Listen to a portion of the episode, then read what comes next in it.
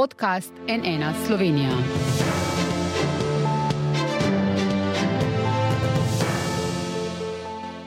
Dobrodan, to je NN studio. Po tednu pretresov na finančnih trgih zaradi propadov bank in v novičnem dvigu obrestnih mer Evropske centralne banke se negotovost povečuje tudi v slovenskem gospodarstvu. Vse ključne delodajalske in gospodarske organizacije so premija Roberta Goloba v javnem pismu upozorile, zaradi visokih cen energentov se je dvema tretjinama anketiranih podjetij zmanjšala konkurenčnost. Tretjina napoveduje zmanjšanje obsega poslovanja ali celo odpuščanje. Zakaj nezadovoljstvo, če država pravi, da je pomagala? Ali res ni nič narobe, če se časovnica za jek dve zamakne? Kaj bodo prinesle reforme in kako jih bo država plačala? Kaj bo Sloveniji prinesel investicijski cikl? V studiu je ministr za gospodarstvo, turizem in šport, gospod Matjaš Han. Dobr dan, dobrodošli. V Skopju pa prek video povezave prav lepo pozdravljam predsednika uprave NLB in tudi predsednika MČM Slovenija, Blaža Brodnjaka. Dobr dan, lepo pozdravljeni. Dober dan oziroma dober den. Gospod Brodnjak, vi ste decembra na sedežu GZS opozarjali na tanko to, da bo slovenskim podjetjem zaradi cen energentov začela padati konkurenčnost. Zdaj pravijo, nezadovoljni v Nemčiji podjetja za elektriko plačujejo 130 evrov na megavatno uro, v Sloveniji pa kljub subvencijam v razponu od 200 do celo 350 evrov na megavatno uro. Vi ste takrat rekli, da je pred nami zgodovinska priložnost, ki pride enkrat na sto let, ali smo jo torej zamudili? Eh, ne bi rekel, da smo jo zamudili, čas pa hitro teče. Jaz sem takrat tudi povedal, da slovensko gospodarstvo ne pričakuje nič drugega kot primerljive pogoje s tistimi, s katerimi se na globalnih trgih pojavljamo. Ne.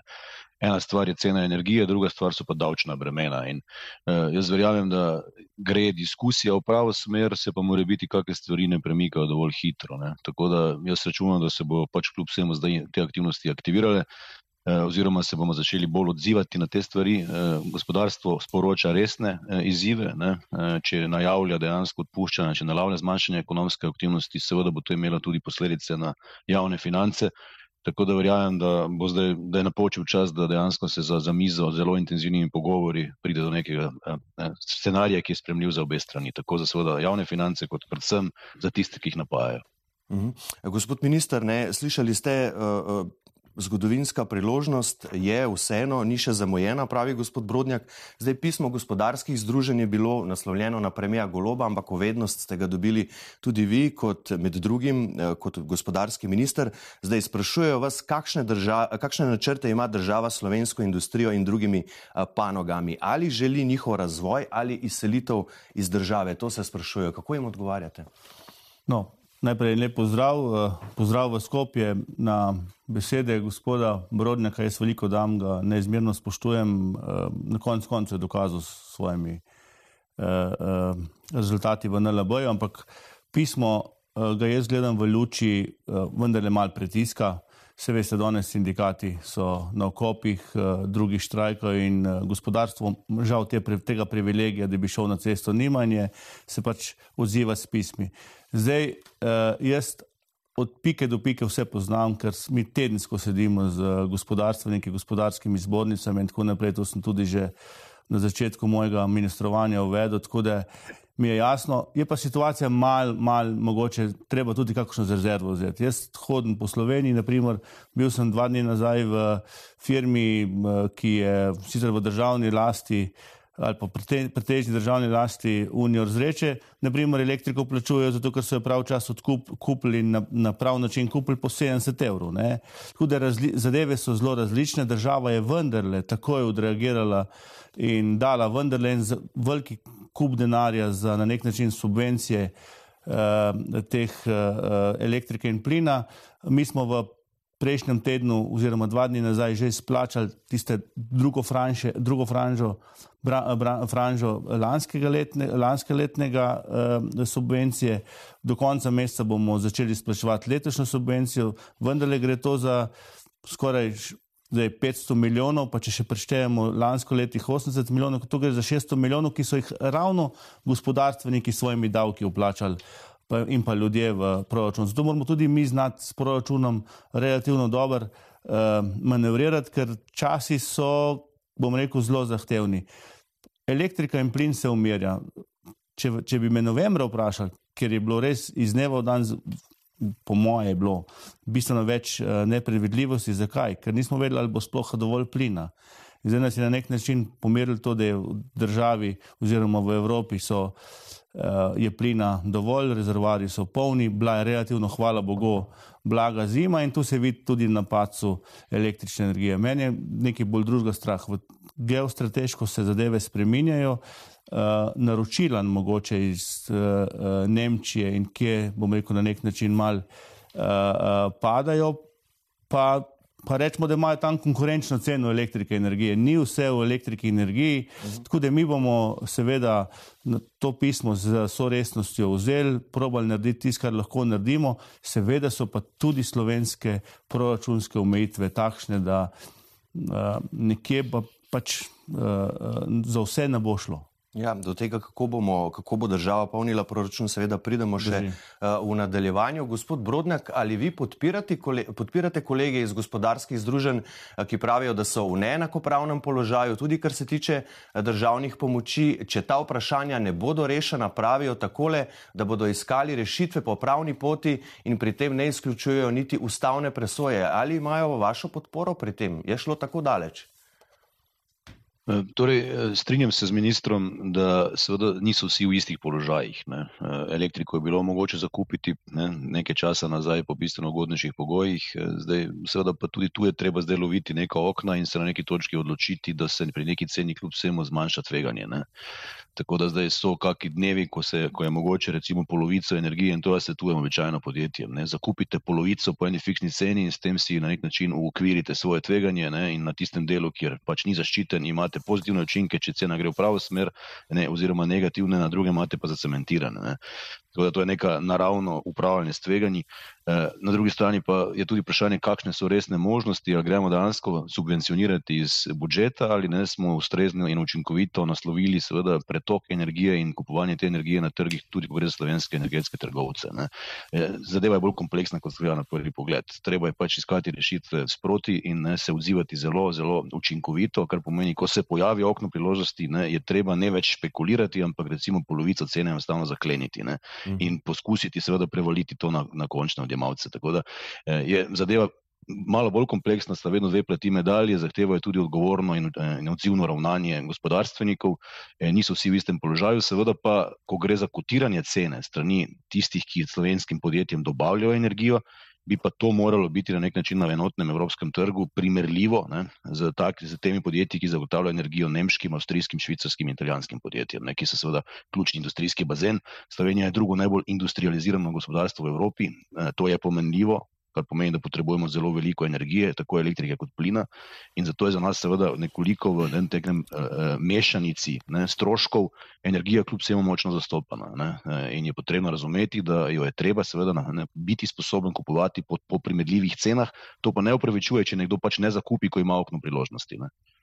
Ali vlada, gospod minister, načrtuje morda kakšno dodatno pomoč, bo šla, vem, popravljati zdajšnje ukrepe, da podjetja ne bo v neenakopravnem položaju, se bo morda prilagodila trenutni situaciji, ki je vendarle nekoliko drugačna kot tista lani. Kaj zdaj sledi? Se me poznate tukaj dolgo, jaz sem človek, kjer eh, rad, ne rad pomagam, ampak eh, ni nobenega. Eh, nikdar ne želim reči ne, ampak iščemo zmeram, iščem zmeram neko priložnost, kako uh, odreagirati. Zdaj, uh, eno stvar, ki bomo naredili, ne, mala srednja podjetja imajo regulirano ceno 195 evrov do, najprej do junija letošnjem letu, mi bomo to podaljšali še do konca leta in te potem približno vedo, po kakšni ceni lahko kupujejo. Moramo, ve, moramo biti zelo iskreni, mi smo najmanjšim odjemalcem, se pravi 100 tisoč obrtnikom, regulirali ceno v lanskem letu in v letošnjem letu in se mi zdi, da imajo relativno zelo ugodno električno energijo ali pa, da nam reko ugodno, predvidljive cene.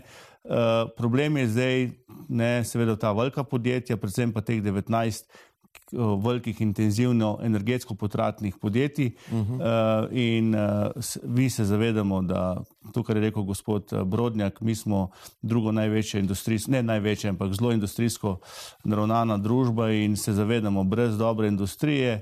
Uh, ni gospodarske rasti v Sloveniji, in uh, tukaj se mi teh uh, vseh problemov uh, zavedamo. Je pa res, ne, je pa res da uh, včasih enostavno se moramo zavedati, da smo vsi v istem čovnu, ne, da na koncu uh, je, je država mora imeti tudi odgovornost do teh proračunskih sredstev, ki jih v bistvu gospodarstvo plačuje. Ne. In še nekaj bi rad, ne, mi smo vendarle še socialna država, hvala Bogu, ne, in cene električne energije za prebivalstvo so tudi omejene in tukaj mislim, da smo tudi dobro stvar naredili, da na nek način so ljudje skozi zimo prišli relativno, relativno dobro skozi. Uh mhm. -huh. Gospod Brodnja, kaj pravite na to, sploh v luči tudi izjave ministra za okolje, podnebje in energijo Bojana Kumra za poglobljeno na NN, da nič hudega, če se časovnica za gradnjo nove nuklearke v Krškem zamakne. Takrat ste decembra rekli, čas je za streznitev, če vlade ne spremajo odgovornih odločitev, jih ne potrebujemo. Kaj pravite danes? Torej, jaz nisem energetski strokovnjak in prihaja do mene informacije dveh vrst. Ne. Ena je, da lahko preživimo brez nuklearke, druga pa, da brez nuklearke, ko zapremo tež, preprosto ne bo šlo.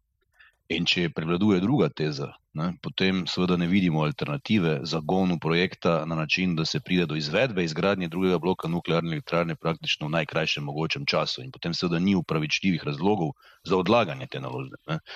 E, zdi se mi, po informacijah, ki jih jaz dobivam, kot rečeno, ponavljam, nisem energetski strokovnjak, da bo zelo težko izvedljiva ta zelena tranzicija in predvsem napajanje slovenske močne industrializirane družbe ne, in gospodarstva če ne bomo zgradili tudi nečesa, eh, enega energetskega objekta, ki zagotavlja proizvodnjo energije v pasu 24 ur na dan. Ne? Proizvodnja deluje v treh izmenah, ne deluje takrat, ko sveti sonce, pa takrat, ko piha veter. Ne? Mhm. In eh, na drugi strani, če gremo pospešeno v električno mobilnost, se pravi, da bo seveda večji del voznega parka se napajal iz, eh, z elektriko, potem bo tudi to elektriko potrebno domestiti oziroma ne, jo na nek način pripeljati do polnilnih postaj. In to je spet povezano v veliki meri s tem, da se tako energijo lahko zagotavlja kontinuirano, se pravi neprekinjeno. Ne. E, tako da večinsko se je, vsaj moj občutek, prevladuje mnenje, da brez nuklearke ne bo šlo. In če je temu tako, potem je treba seveda sprejeti končno te odločitve, zato ker po mojem vedenju in informacijah se pripravljajo naložbe v, v dejansko zagon velikega števila reaktorjev, praktično od severne Polske ne, pa do juga Mačarske. Ne kar pomeni, da bomo dejansko eh, deležni tega, da bomo v neki vrsti, čakalni vrsti. In tudi, če se bomo odločili, da bi pa mi reaktor imeli, bo potencialno trajalo deset let, preden bo lahko izdobavljen, zato ker se to se ne proizvaja na masovnih proizvodnih linijah. Ne. To so kompleksni projekti.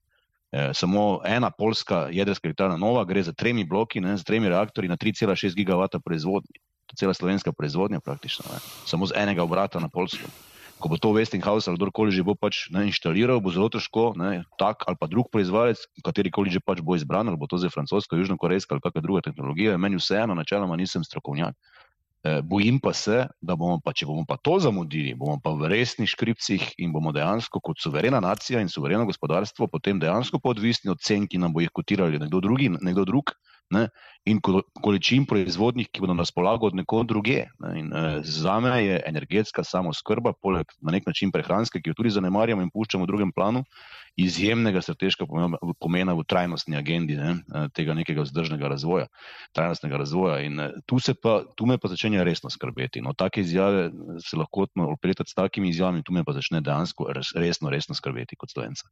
Kaj pravite na to, eh, gospod minister, kako vi gledate na izjavo ministerskega kolega gospoda Kumra? Ne? Gospod Brodnjak pravi, če to zamudimo, bomo v resnih škripcih. Je to zdaj na ravni vlade, že nekako ste sprijaznjeni, da se ta časovnica zamika ali gre tu za. Uh, ali smo spet koga narobe razumeli tu?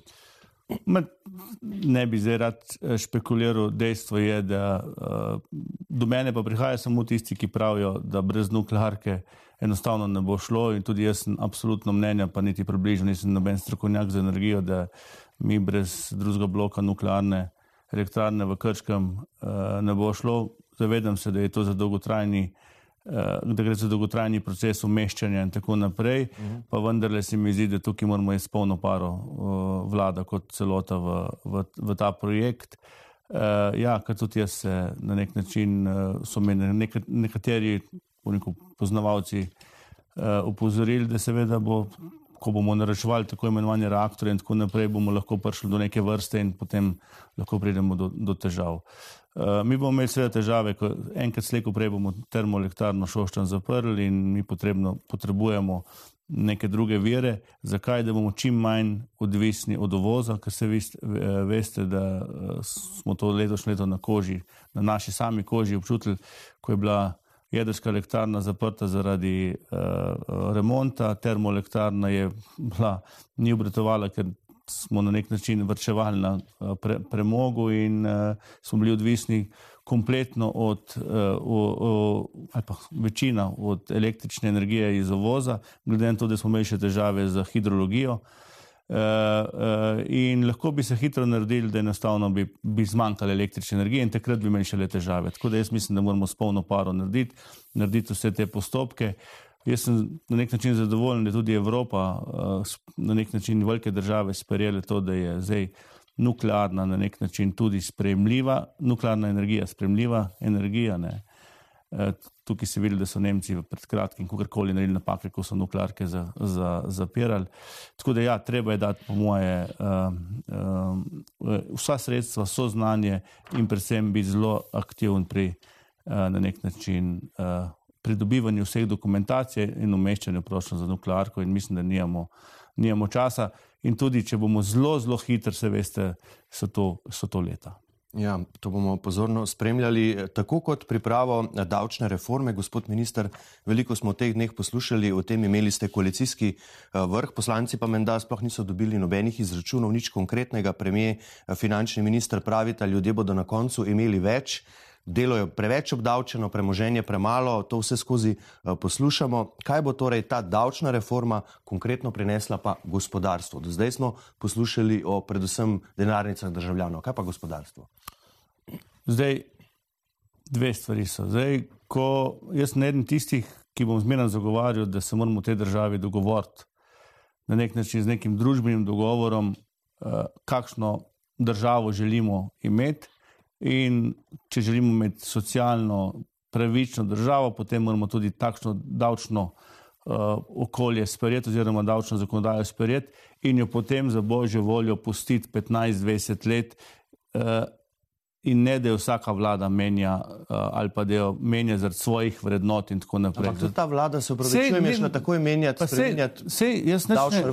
ne tistih, ki sem, uh, ko sem nastopil v ministrstvu, rekel, da je tisto, kar je prejšnja vlada dobro naredila, bom absolutno nadaljeval in celo pohvalil in sem večkrat to naredil. Tisto, kar se mi zdi meni, da ni dobro naredila, bom spremenil, ampak ne bom odpiral ladljice in kazal s prstom, kaj je bilo vse narobe, ker bo verjetno za mano uh, kakšni ministri tudi videli, da sem kakšno napako naredil. Tako da počasne, eni samo govorijo, kako je potrebno med nami sodelovati, ne se kregati in tako naprej. Jaz pa to eno leto ali pa slabo devet mesecev že, že delam in na konc koncu so rezultati, uh, rezultati tako. Uh, si, uh, mi smo imeli samo en dogovor uh, na, na tem koalicijskem vrhu. Zelo dobro nam je ministr za finance in ekipa predstavila realno situacijo, kaj eh, glede financ v tej državi, približno povedala, na kakšen način, pod kakšnimi pogoji se pod, pobirajo davki, kaj bi bilo potrebno narediti, ne, če bi bilo vse idealno, ne, Seveda pa vse ni idealno. Mi v tej naši državi imamo neke pravice že 30 let, ljudem je težko kakšne pravice, ki jih pač imamo, oduzeti. Zato pa je zdaj potrebno, da v bistvu se začnemo med sabo absolutno pogovarjati. Civilna družba, gospodarstvo, vlada, posamezniki, najdite en dogovor, probati se seveda ne preveč politično skregati med sabo in reči, tole je naš okvir, kako bomo lahko naprej delovali, da bo in gospodarstvo, in ljudje vedlo, uh, uh, pod kakšnimi pogoji bodo uh, lahko naprej delovali. Mi drugega kot pobiranje davkov, ne? mi nimamo ne, vem, ne plinov, ne, ne nafte in tako naprej, zato je treba res tukaj narediti. Ne? Jaz sem še socialdemokrat, ne? pa vem, da nimamo pravičen social. Uh, socialno uh, uh, politiko v tej državi. Da v tej državi preveč ljudi, preveč ljudi, ki ne potrebujejo take socialne podpore, jo dobivajo, da pa ljudje, ki jo, ne, ki jo pa res potrebujejo, pa zaradi svoje, ne vem, uh, poštenosti sploh ne grejo prosto. Tudi tukaj bi mogli istočasno nek, mogoče celo prevrtiti socialno, socialno politiko. Tako da jaz ne bi delal zdaj iz tega uh, uh, prevelike zgodbe, zdaj se moramo v bistvu usediti vsi skupaj za mizo, se pogovoriti in videti, kje, uh, kje, kaj lahko naredimo. Jasno pa je, plače so preveč obdavčene, mogoče bi lahko naredili nekaj na kapitalu, ampak stvar, ni, stvar se ne preliva.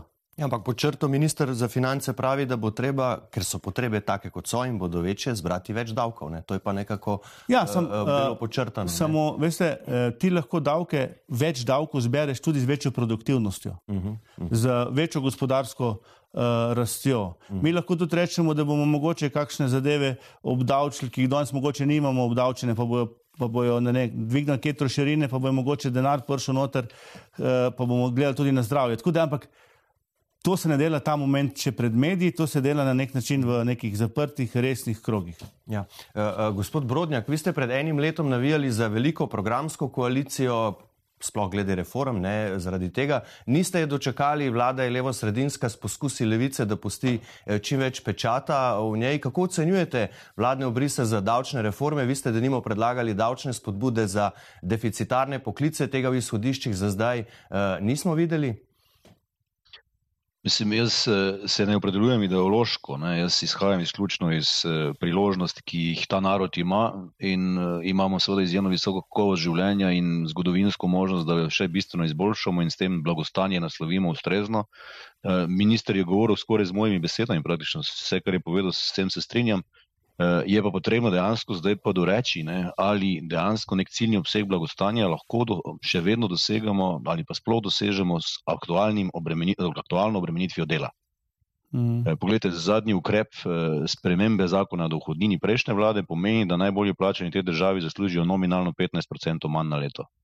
To je končna posledica, 15% manj na leto. Jaz se strinjam, da lahko prerazdelijujemo pre, premoženje in rečemo, ok, više plače še bolj obdavčimo. Ampak v tem trenutku je pri moji bruto plači na Hrvaškem neto izplačilo 50 odstotkov više. 5 nič, 50 odstotkov više zato ker so uvedli razvojno kapico, imajo tudi seveda spodbude za digitalne nomade, to so ti deficitarni profili. Ne? In imate zdaj eh, te samoroge na Hrvaškem vredne čez milijardo evrov z 2300 zaposlenimi v Hrvaški istri. Ne? In informatiki vsega se ta pravijo na Hrvaško. Recimo, Mi smo jih primorani zaposlovati v Srbiji, zato ker na Hrvaškem nimamo operacij, sebi je tudi zazito bolj stimulativno davčno okolje, ko gre za obdavčitev dela. Ne. Jaz sem tudi večkrat rekel, da se tudi gospodarstveniki strinjamo s sorazmerno obremenitvijo premoženja, ne z nekoliko bolj kalkul, ne, kalibrirano. Ne, poglejte, kaj počnejo v, recimo, Švici, zdaj smo brali ne, v teh dneh, pa tudi v drugih velikih evropskih mestih, kjer so kratkoročne najeme recimo, ne, začeli regulirati. Jaz jih ne bi prepovedoval, jaz bi jih bistveno bolj obdavčil. Recimo, Če vdaš ti preko Airbnb-a pa Bookinga ne stanovanje, to več ni eh, dejavnost oddajanja nepremičnine v najem, ampak je hotelski posel. Na eni strani seveda ne, to pomeni konkurenco hotelskemu poslu, na drugi strani pa pomeni seveda presežne dobičke, če ti vdajes eno stanovanje, ki ga lahko v dolgoročni pogodbi za 800 evrov, zdaj za 2500 evrov na mesec. Ne. In to je nekaj, ker so zagotovo žepki, kjer je mogoče z neko ne, višjo obdavčitvijo doseči neke pozitivne učinke in absolutno razbremeniti delo. Poglejte, če boste vi še vedno držali praktično neto izplačilo nad 34 odstotkih od bruto, bruto stroška za podjetje, kadre, ki bi naj to viš, višjo dodano vrednost ustvarjali, ne, s tem, da razvijajo rešitve, proizvode in storitve z višjo dodano vrednostjo in ker tekmujejo s kakovostjo, s Švicari, Avstrijci in Italijani, potem te kadre morate tu imeti. Ne ne računa, da boste jih zaposlovali v Srbiji ne, ali pa v Severni Makedoniji, kjer sem danes, ne, kjer so pač ti, te možnosti obdavčevanja drugačne. In to, tu, v okviru te neke družbene pogodbe, o kateri je minister govoril, mislim, da moramo enostavno si naliti čistega vina. Ne. In ne izhajati iz tega, da so javne finance statična kategorija, da se ne govori samo o obsegu pravic in kako bomo te, ta pravic, obseg pravic financirali, ampak da se pogovarjamo o obsegu pravic na posameznika in potem skušamo kalibrirati število posameznikov, ne, v celotnem javnem sektorju, ki so deležni tega vsega pravic. Jaz sem tudi večkrat javno povedal, da so ljudje ključni, na ključnih položajih v javnem sektorju absolutno podplačani, vključno z gospodom ministrom in vključno s predsednikom vlade, ki sta radikalno najbolj podplačana v tej državi. Radikalno. Ne. To zagovarjam in s komerkoli gospodarstvo govorim, vsi se strinjamo. Predsedniku vlade treba dati 20 tisoč neto, pa naj potem seveda zelo odgovorno deluje. Ne? In tudi ministerska ekipa naj ima 15 tisoč neto, ampak seveda naj potem ne poskrbi, da bo z nekimi menedžerskimi pristopi, kljub vsemu, posameznikov v celotnem javnem sektorju, ki bodo upravičeni nekaj obsega pravic, manj, še posebej v takih časih, ko gospodarstvo lahko absorbira 30 tisoč ljudi. Ne, to so zdaj ključni, ključni časi, ko dejansko mi lahko nam tisti, ki iz javnih financ prejemajo prejemke, jih preusmerimo v podjetja, kjer ustvarjajo dejansko prejemke za javne finance. Ne, tu, se, tu je seštevek 1 plus 1, 2, ne, tu ni. Ne, na eni strani potem potrebno manj plač, ne, na drugi strani se pa več kreira v javne finance in se ta enačba hitro spremenja. Ta dinamika potem polnjenja budžeta je popolnoma drugačna, če se seveda na drugi strani eh, zmanjša nekoliko potrebe na ravni posameznika. Ne, če pa se ne, ne zmanjšuje število prejemnikov pravic, ampak se celo trendno iz vsake vlade v vlado povečuje, in se dodaja obseg pravic, seveda potem pa ni, ne, je pa to brezno, ne, potem pa ni mogoče ne, na nek način na drugi strani reagirati drugače, kot od gospodarstvenikov zahtevati še večje prilive ne, v davčno blagajno. E, in je to povezana, vezana posoda in je bolj kompleksno vprašanje, kot zgleda na prvi pogled, ampak zahteva skrajno odgovorno ravnanje vsakokratne vlade. Ne. In govorim, smo govorili o zdravstvu. Centraliziranje vseh bolnic je za me edini normalni scenarij, centraliziranje vseh nabav je edini normalni scenarij. Ne. Pa dajte potem više plače, ne, tako seveda eh, osebju kot, kot medicinskemu, celotnemu osebju, skučno seveda za skrbo ne, eh, in nabavite opremo, ne, pa boste naenkrat imeli drugačen standard zdravstvenih storitev. Ampak je treba se tega lotiti kljub vsemu menedžersko, nažalost. Ne. Politika Gospod... ima seveda svoje, svoje prednosti oziroma svojo vlogo in nalogo, ampak tu morajo tudi obveljati določeni menedžerski principi. Samo tu bi vas vprašal, gospod minister, glede na to, da je prav stranka, vaša stranka SD, predsednica Fajon omenjala obdočitev kapitalskih dobičkov, potem ko smo o tem novinari povprašali finančnega ministra, je rekel, vprašajte kar njo, ali ste v stranki, v koaliciji že karkoli usklevali to, ali je to neka solo akcija predsednice? Glede, um, zdaj bom, jaz, vsaka stranka seveda se znotraj stranke pač pogovarja, kaj bi bilo v določenem momentu lahko narediti. Dejstvo je, da mi resetirati naše države ne moramo. Da imamo skozi 30 let, po moje, zelo uspešne zgodovine naše, pač neke pravice, ki, ki so jih ljudje dobili in hvala Bogu, da, jih, da, da imamo tako kvalitetno življenje, ki jih danes težko vzajemo. Ampak jaz ne bi tekmoval v, v ali pesimističnih, ali preveč optimističnih, ali pa ne vem, kakšnih senzacionalnih uh, uh, govorih, kaj je potrebno narediti. Jaz mislim, da se je potrebno na takšen način izven kamer začeti pogovarjati. Kaj pa to, kar sem vas vprašal? Pa, poglejte, sej, je, se bo ta zdaj strinjal. Ne, mi premoženje, premoženje pa če gremo gledati na stanovanje, ne, to, kar je rekel gospod uh, Brodnjak, Airbnb, ne, Ok, prvo stanovanje ne bo normalno obdavčeno. Če imaš pa en, drugega, tretjega, četrtega in ga deje v RNB ali pa ne vem kako, ali pa, ali pa na nek način so kupovali stanovanja zato, ker so pač banke niso imele dost, uh, niso devale obresti in tako naprej, ker so bile druge, druga pravila, ne, ja potem je treba tak denar, take zadeve je treba malo bolj obdavčiti. Tukaj se verjetno mi obe dva, obe dva strinjamo, ne. Uh, tako da, ampak še enkrat. To je za razgovor, ne pred kamerami, ker drugače ne bo nobena stvar šla skozi. To vam jaz ja, povem, ja. tukaj izkušen pa v politiki, politiki pa pač imam. Razumem, da mi zato niste odgovorili na vprašanje. Gospod Brodnjak, greva naprej. Kako ocenjujete nedavno dogajanje na finančnih trgih in propade ameriških bank, strmoglavljanje delnic Credit Suisse v Švici? Kaj se je pravzaprav zgodilo? Zakaj zdaj se lahko to nekako prelije tudi v banke znotraj ECB? Kako lahko to vpliva na slovenska podjetja? Eh, ne, pogledajte, poslovni modeli teh bank so posebno drugačni. Ne? Tudi velike investicijske banke, nekatere evropske, imajo, Credit Suisse, zdaj pač ne soočen s izzivi, precejšnjimi izzivi, imajo posebno drugačen poslovni model od srednje evropskih bank. Mi smo imeli seveda svoje težave eh, v preteklosti, ki so izhajale iz na nek način neposrečene izvedene privatizacije na vzvod s krediti ne, eh, in se je potem zgodila velika finančna kriza in smo imeli prezadolženo gospodarstvo takrat, ampak mi smo posojali denar tem podjetjem, ne, ne mednarodno špekulirali nekje okrog ne, z nakupom obveznic takih in drugačnih ali pa s financiranjem podjetij v zagonski fazi in tako naprej. Če danes vi pogledate bilance srednje evropskih bank, mi si sposojamo denar preko ulog ne, prebivalstva, to so naši sosedje sosedi, prijatelji, ne, naše stranke iz okolja in posojamo ta denar tem istim ne, gospodinstvom, s, s malim, srednje velikim podjetjem in s velikim podjetjem, slovenskim in regijskim. To so ljudje, ki jih poznamo. Danes današnji skupni obseg dolga slovenskih podjetij je na polovici tistega iz leta 2008. Ne. Prihranki so 50% višji ali še več višji, ne. denarni tokovi so močnejši, dobički so močnejši. Se pravi, gospodarstvo slovenstvo je radikalno razdolženo in s tem ni nevarnosti, da bi slovenske gospodarske družbe prihajale v težave in ker ni te nevarnosti, tudi za slovenske banke ni nevarnosti. Kaj pa ponovno, zvišanje, uh, kaj pa ponovno zvišanje obrestnih mer strani ECB? Predsednica Kristina Lagarde je jasna, nismo še na koncu zviševanja. Usrednja obrestna mera je zdaj najvišja po oktobru 2008. Ali bo to stabiliziralo to trdovratno inflacijo? Dokdaj lahko to zviševanje še traja? Nišče nima kristalne krogle, ne? uh -huh. špekulira se o 4 odstotkih. Mi smo leta 2009 imeli 5 odstotkov. Ne? Če vi pogledate zgodovinsko okolje, najeti stanovansko posojilo po 5-odstotni obrestni meri na 30 let ne, ni ekscesno. Moramo razumeti, da smo zadnjih 7 let, ne, do lanskega julija, živeli v popolnoma neobičajnih razmerah. Dobiti 30-letno posojilo za financiranje nakupa stanovanja po 1,5 odstotni obrestni meri, fiksno, ne, nespremenljivi, je enkrat v obdobju tisoč let. Se pravi, ne, takemu, ki je dobil to obrestno mero, reče: Naj si vsak dan odpre steklenico dobrega vina in se zahvali samemu sebi, da je bil pameten. Ne. Zato, ker je to neponovljivo. Se pravi, mi smo imeli sedem let res debelih krav, ko gre za uporabnike bančnih storitev. Zdaj imamo normalizacijo. Ne. Vi ne morete izvajati poslovnega modela, ki računate, da bo strošek financiranja strani zunanjega partnerja ne, en odstotek dolgoročno. To ni vzdržno. Uh mhm. -huh. Vsak, ki vam zagotavlja kapital, želi 10 do 15 odstotkov, nekdo, ki vam pa da financiranje in s tem prevzema kreditno tveganje in tudi ekonomsko tveganje podjetja, ne pa dajo od 0,5 do 1 odstotek. Vse to ekonomsko ni vzdržno stanje. Ne? In zdaj smo se na nek način normalizirali, zdaj ali bo srednjeročno obveljala ta obrestna mera na ravneh, kot je danes, 3,5 do 4 odstotke, ali se bo seveda z umirjenjem inflacije, ki ga pričakujejo, naslednjem letu, še posebej po letu 2025, ne, proti nazaj dvema in pol, trem odstotkom, se začelo to potem zniževati. Moramo razumeti, da je bilo 15-letno poprečje v Riborja do pojava negativnih obrestnih mer 2 odstotka. Zdaj, jaz sem večkrat javno komentiral politiko Evropske centralne banke in centralnih bank, eh, da absolutno deluje prociklično, ne proticiklično. Eh, sedem let negativnih obrestnih mer in odkup, odkupljanja teh, ne, odkupovanja obveznic vse povprek, ne, je dejansko pripeljalo v likvidnost na past, ker ta denar ni ne, prišel preko transmisije do podjetij. Banke so bile itak prelikvidne in so bile pripravljene financirati dobre projekte.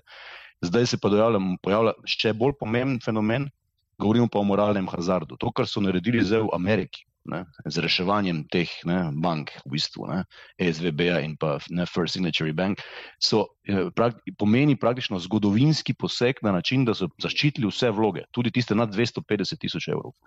To pa zdaj pomeni, da je lahko postane vse eno, ne, komu ti posojaš denar kot vrčevalec, zdaj pa pač te ni treba niti skrbeti, ker bo itak, bodi si javne finance, bodi si centralna banka, bodi si nekdo tretji, poskrbel, da ta banka ne na koncu bo preživela in boš ti dobil svojo vlogo povrnjeno.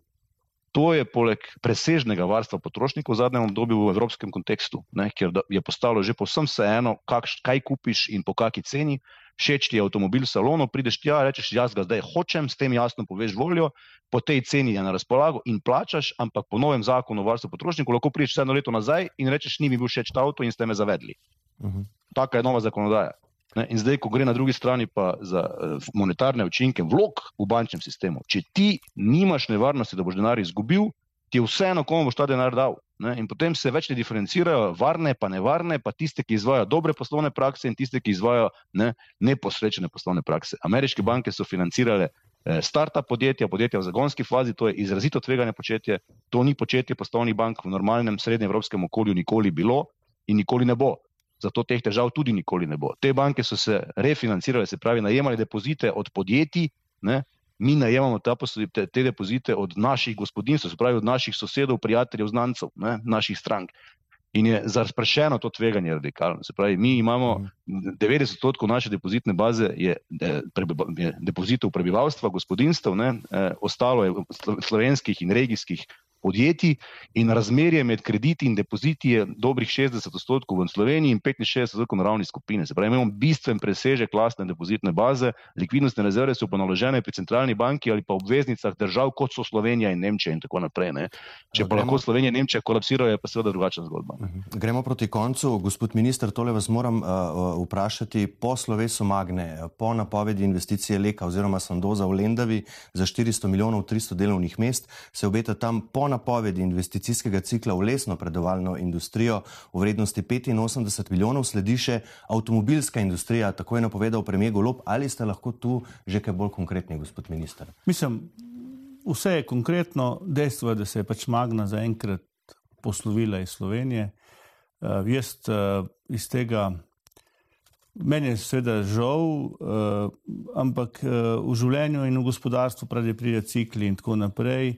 Mi bomo pač uh, z, z Magno uh, se pač uh, poravnali, kar se je treba poravnati. Vemo, kako je ta država Magni dala, vemo, kaj je Magna izpolnila oziroma kaj ni izpolnila. Da, kaj pa te investicije? Uh, te investicije, ki so, ki so pa napovedane, pa moram reči, da sem zadovoljen z. Uh, Lekom eh, oziroma za Sandozom je podpisan pismo v nameri. Avtomobilska industrija? In, avtomobilska industrija je pa to tako imenovani GROST, Aha. gremo, Green Mobility, uh, ker je 400 slovenskih podjetij, ki, bom rekel, so zelo bom rekel, upet ali pa so zelo upeta v industri, avto, avtomobilsko industrijo. Kakšne vrednosti pa tu govorimo? Vla, uh, ja, v parih letih gre tudi do 200 milijonov, uh. -huh. ampak tukaj bo velika dodana vrednost. Kude, moram reči, da sem zadovoljen in še nekaj druga bi vendarle rad povedal. Ne? Pri ja. vseh teh negativnih časih, kakšnih informacijah, ta moment je za Slovenijo zaradi geostrateške pozicije, na koncu koncev zaradi vsega veliko zanimanje uh, investitorjev. Mi imamo seveda malo problema v Sloveniji, ker imamo vendarle malo problema z prostorskimi umeščanji in tako naprej, ampak jaz, kar se ta moment tiče informacij, sem relativno uh, optimist eh, in na našem ministrstvu resnično, resnično želimo uh, pomagati vsem investitorjem, bodi si tujim in bodi si tudi slovenskim. Jaz ne delam razlike med tujim in med slovenskim, seveda si pa želim čim več slovenskih dobavi, slovenske industrije, ker so kukorkoli na nek način bistveno bolj družbeno odgovorni kot nekateri drugi. Ja, investitorji si pa želijo stabilnega in predržljivega poslovnega okolja, to, kar v bistvu sko vse skozi ponavljamo. Gospod Brodnjak, za konec vendarle moramo eno stvar še razčistiti, preden se poslovimo. V javnosti ste se kar oglašali, rekli ste, da to storite takrat, ko politiki s svojimi populističnimi potezami zavestno kršijo ustavo in ko svojimi ukrepi sesuvajo mednarodno konkurenčnost slovenskega gospodarstva, da je to politiki moteče, so te vaše izjave so poročali kolegi z dela, eh, da nekako golobovi poskušajo stegniti roke tudi po NLB-ju, čeprav je država samo še eh, četrtinski lastnik, čeprav se je nedavno pekla pri petrolu. Ali vi zaznavate kakšne take poskuse pri sedanji vladajoči politiki, da stegne roke proti NLB-ju? Do tega se seveda ne opredeljujem. Jaz sem pač, eh, NLB je sistemska institucija in je pomemben del družbenega podsistema, ne, ko govorimo o financah. E, in kot taka institucija pač e, ima odgovornost do svojih strank in to so slovenska podjetja in e, slovenska gospodinstva, da pač pove jasno, ne, kaj meni o določenih ukrepih, ki vplivajo na zmožnost mhm. poslovanja slovenskega finančnega sistema oziroma slovenskega gospodarstva, ne, ter na koncu na blagostanje slovenskih gospodinstv. Vse enako, enako boste verjetno slišali od guvernerja Banke Slovenije, da ni zelo zadovoljen, ko se jaz javno oglasim, ne, ko govorimo o ukrepih, ki jih Banka Slovenije sprejema. Ne. To ni nič posebnega, s tem jaz ne kritiziram, ampak skušam samo razumeti, kaj se dogaja in zagotavljati ne, v tej vlogi NLB-a kot sistemskega družbenega podsistema, ne, eh, da enostavno govorimo o mednarodni konkurenčnosti slovenskega gospodarstva, o pogojih gospodarjenja slovenskega gospodarstva in seveda blagostanju slovenskega gospodinstva in dostopnosti slovenskih gospodinstv do storitev v finančnem sistemu, ki želimo, da so primerljive. Ne. Se pravi, mi, mi ne govorimo o tem, da morajo imeti slovenska podjetja luksuzno storitev ali pa ne slovenska gospodinstva drugačne ne, možnosti dostopanja do finančnih virov ali drugih storitev finančnega sistema, kot ga imajo nemška, avstrijska, ampak zgolj, da imajo primerljive. In v Sloveniji, nažalost, ugotavljamo, da je obdočitev dela daleč od primerljive. Da je seveda dostop slovenskih gospodinstv do, do slovenskega bančnega sistema, ki je izrazito prelikviden in pripravljen posojati ne, popolnoma drugačen, kot je recimo v sosednjih državah. Ne. In to enostavno ocenjujemo, da ni pošteno. In takrat mm -hmm. se mhm. pač oglasimo, zato ker smo tu zaradi slovenskih podjetij in slovenskih gospodinstv, tako kot so politiki in vlade zaradi nas, slovenk in slovencev. Tudi mediji so poročali o ugibali o vašem morebitnem vstopu v politiko, ali je kaj na tem, ali to možnost popolnoma izključujete. Lahko na tej točki to poveste zelo jasno. jaz, sem ba, jaz sem bančnik in naj pri tem ostane, prosim. Mhm, pa so vas kaj nagovarjali? Eh, seveda pa so me nagovarjali, ampak jaz sem bančnik in naj pri tem, prosim, ostane. Dobro. Najlepša hvala, gospod Blaž Brodnjak, za vaše sodelovanje v tej današnji vdaji in lep pozdrav v Skopje. Najlepša hvala in eh, zahvala gospodu ministru od mojih prijateljev iz Severne Makedonije. Izjemno so zadovoljni in veseli, da je vlada v prvo tranšo subvencije linij ne uvrstila Skopje. Res so veseli. Gospod minister Matjaš Han, hvala pa tudi vam seveda za sodelovanje v NN studiu. Hvala lepa za... vam za povabilo. Hvala pa seveda tudi vam za vašo pozornost. Vse ukrepe vlade, vse reforme in vse, kar se bo dogajalo z gospodarstvom, seveda sproti spremljamo in objavljamo na naši spletni strani nnainfo.si. Iz studija pa le še lep pozdrav in nasvidenje.